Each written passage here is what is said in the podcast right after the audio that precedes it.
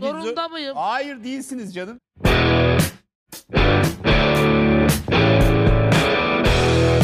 Par Parçanın adı.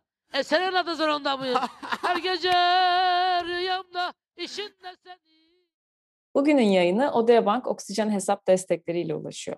Oksijen hesabın gece vadeli gündüz vadesiz esnek yapısıyla birikimlerinizi gündüz vadesiz hesapta dilediğiniz gibi kullanırken gece avantajlı faiz oranlarıyla değer katabilir, ihtiyacınız olduğunda 7-24 vadesiz kullanım bakiyesinden para çekebilirsiniz. Odea Bank Mobil'i indirerek görüntülü görüşme ile birkaç kolay adımla anında oksijen hesap müşterisi olabilirsiniz. Zeynep, finansal okuryazarlığa sahip olmak zorunda mıyım? Ya evet zorundayız bence.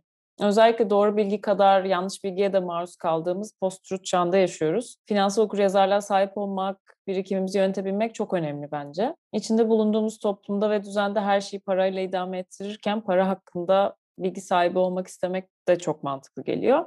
Bir de sanki para konuşmak, işte bu alanda bilgi sahibi olmak istemek yanlışmış gibi bir algı da var. Bunun da kırılması gerekiyor artık bence. Evet, çok doğru söylüyorsun. Yani e, günlük hayatta, gerçi bunu finans sektöründe çalışan profesyonellerden bağımsız söylüyorum. Para ve birikimimizle ilgili çoğu kararı ezbere bir şekilde verebiliyoruz. E, ya da o anki akıma kapılabiliyoruz biz de. Son derece gözü kara ama çoğu zaman da riskli hamleler bunlar.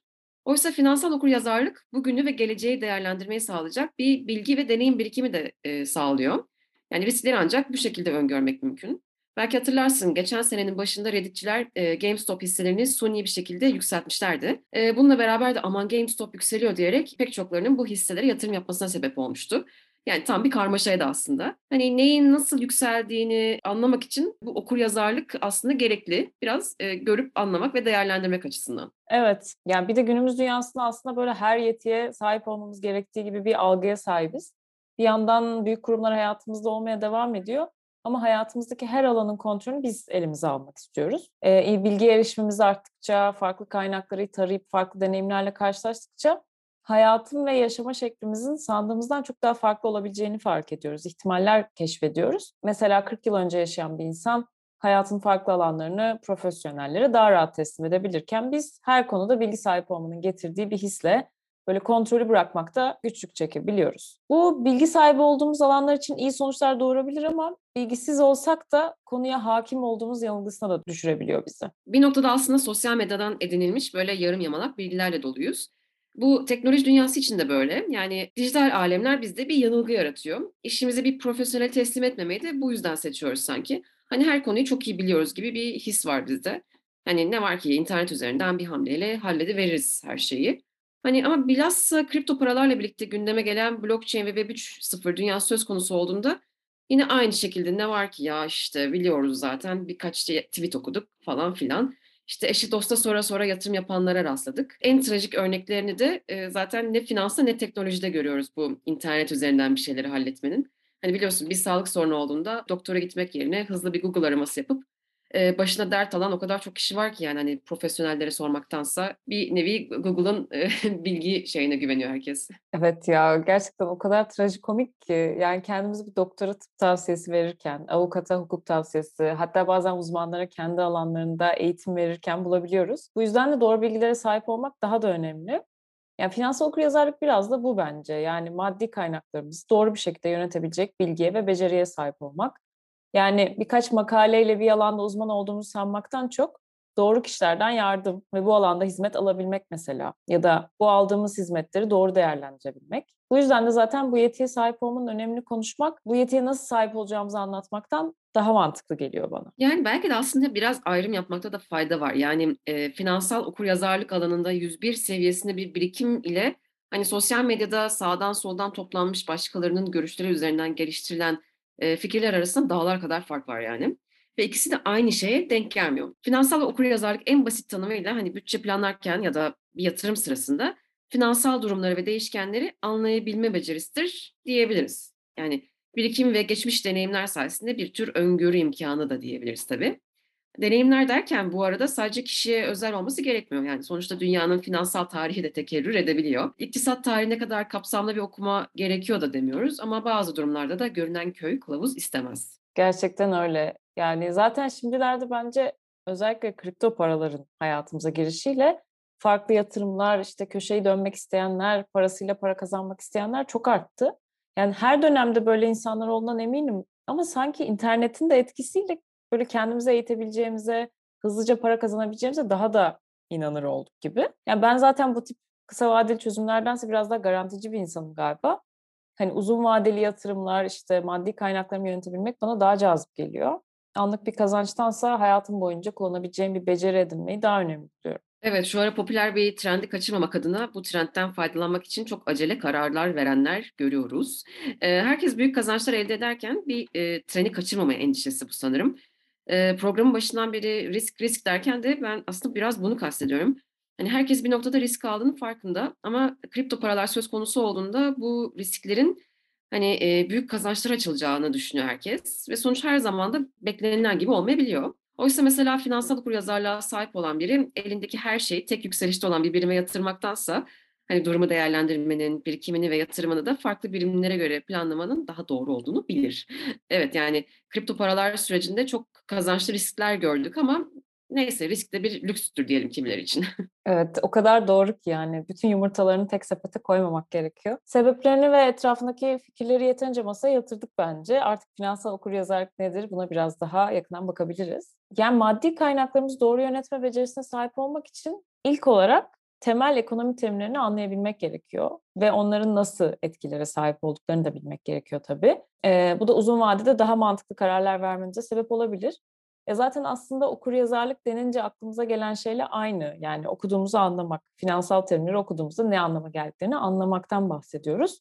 Bu bence okullarda da okuryazarlık gibi öğretilmesi gereken bir beceri. Zaten aralarında işte Japonya, Avustralya, Kanada, İngiltere, Amerika'nın da bulunduğu bir sürü ülke bunu okullarda devlet desteğiyle öğretmeye başlamış. Yani çok basit aslında bütçemizi yönetmeyi öğrenmek de doğru yatırım yapmak kadar aynı öneme sahip bence. Eee, aslında okullarda da demişken, eee, bir noktada çocuklar için finansal okuryazarlıktan da bahsediliyor. Hani gerçekten geleceğin çocuklarının işi bence bayağı zor. Çünkü yani bir taraftan teknolojik okuryazarlığa sahip olmaları gerekiyor. İşte bir taraftan finansal okuryazarlığa sahip olmaları gerekiyor. Hatta yer yer bunları birleştirip harmanlayarak düşünmeleri gerekiyor. Hani böyle diyorum da gerçi artık bu bizim için de böyle. Yani çoktan başladı bile. Eee, yani küçük yaşlardan itibaren eee, anne babalarımızın bize verdiği harçlıklar sayesinde biraz biraz öğrenmeye başlıyoruz gibi finansal okuryazarlığı. Parayı doğru kullanma becerileri geliştiriyoruz, geliştirmemiz gerekiyor. Ama bir noktada anne babalarımızdan ya da okuldan buna dair alabileceğimiz eğitim de eee, yetersiz kalabiliyor. Çünkü aradaki eee, kuşak farkı da önemli. Hani toplumsal yapı değişiyor, finansal durumlar değişiyor, değerlendirebilme becerileri farklı bir yönde seyrediyor. Evet, finans tarihi aydınlatıcı örneklerle dolu ama günü anlamak için kendi dinamiklerini de bilmek gerekiyor. Yani şöyle örneklendirelim. Yani tüm anne babalar için demiyorum ama mesela kendi anne babalarımız üzerinden düşünelim. Yakın örneklerden gidelim. Yani eee, mesela benim anne babam kripto para dendiğinde bizim yaş grubumuzdakiler kadar heyecanlanmıyor. Genelde de böyle gördüm etrafımızdakilerden. Hani işin büyüklüğünün farkındalar. Eee, kripto parayı biliyorlar, bitcoin gibi eee, birimleri biliyorlar ama bu alanda yatırım yapmak onlar için bir macera. Çünkü eee, bu alanda bir okuryazarlığa sahip değiller. O yüzden bahsettiğim gibi kurslar ve özel eğitimlerle çocuklara finansal okuryazarlık kazandırmak sadece anne babaların birikimiyle yetinmelerinin de önüne geçer. Günü ve finansal dinamikleri anlamanın da yolunu açar. Evet ya gerçekten öyle yani çocukların da işi çok zor ama aslında bir yandan da bu konseptlere doğmuş olmaları onların çok daha farklı ve belki daha güzel bir gelecek yaşayacağını gösteriyor. Ya ben kendi annem babam için de aynı şey geçerli. Çevrem için de bunu hissediyorum. Yani finansal okuryazarlığa sahip olmadığımızda bu finansal konseptler, terimler böyle bize bir kara kutu gibi geliyor. Yani nasıl çalıştığını anlamıyoruz, korkuyoruz ve bilmediğimiz için bu durumdan daha da uzaklaşıyoruz. Hani bu benim anlayamayacağım bir şey deyip e, yanlış kararlar verebiliyoruz. Bu yanlış kararlar da işte borçlanmaya, yanlış yatırım yapmaya ve yani en kötüsü dolandırılmaya bile sebep olabiliyor. Ya o yüzden biraz böyle bu kara kutu dediğim şeyi açabilmek, işte bu arkadaki gizemini e, kaldırabilmek gerekiyor ve sadece temel terimleri anlayarak bile bunu yapabileceğimizi düşünüyorum. Of evet yani hızlı ve kolay para kazanma isteği aslında en büyük dert. Yani bunların hepsi de o yüzden oluyor. Bu bahsettiğin işte borçlanma, yanlış yatırım, dolandırılma. Yani finansal okuryazarlığa sahip olmayan biri en azından buna sahip olan birine danışması gerektiğini bilse ne kadar doğru olurdu. Yani az önce 101 seviyesinde bir birikim bile kulaktan dolma bilgilere göre daha iyi derken yine bunu kastediyordum. Hani e, terimler, geçmişteki dalgalanmalar, toplumların bu dalgalanmalara verdiği tepki ve ekonominin bunlara göre yol alan gidişatı hani bir şekilde yol gösterici oluyor bugün içinde yani. Çünkü bazı şeyler evet aynı e, rutinde ilerleyebiliyor. Bu arada finansal okuryazarlık eğitimlerinin aldığı eleştirilerden biri de insanları risk almaya teşvik etmesi. Ee, işte bunun uzun vadede daha farklı mağduriyetlere yol açabileceğini düşünülmesi.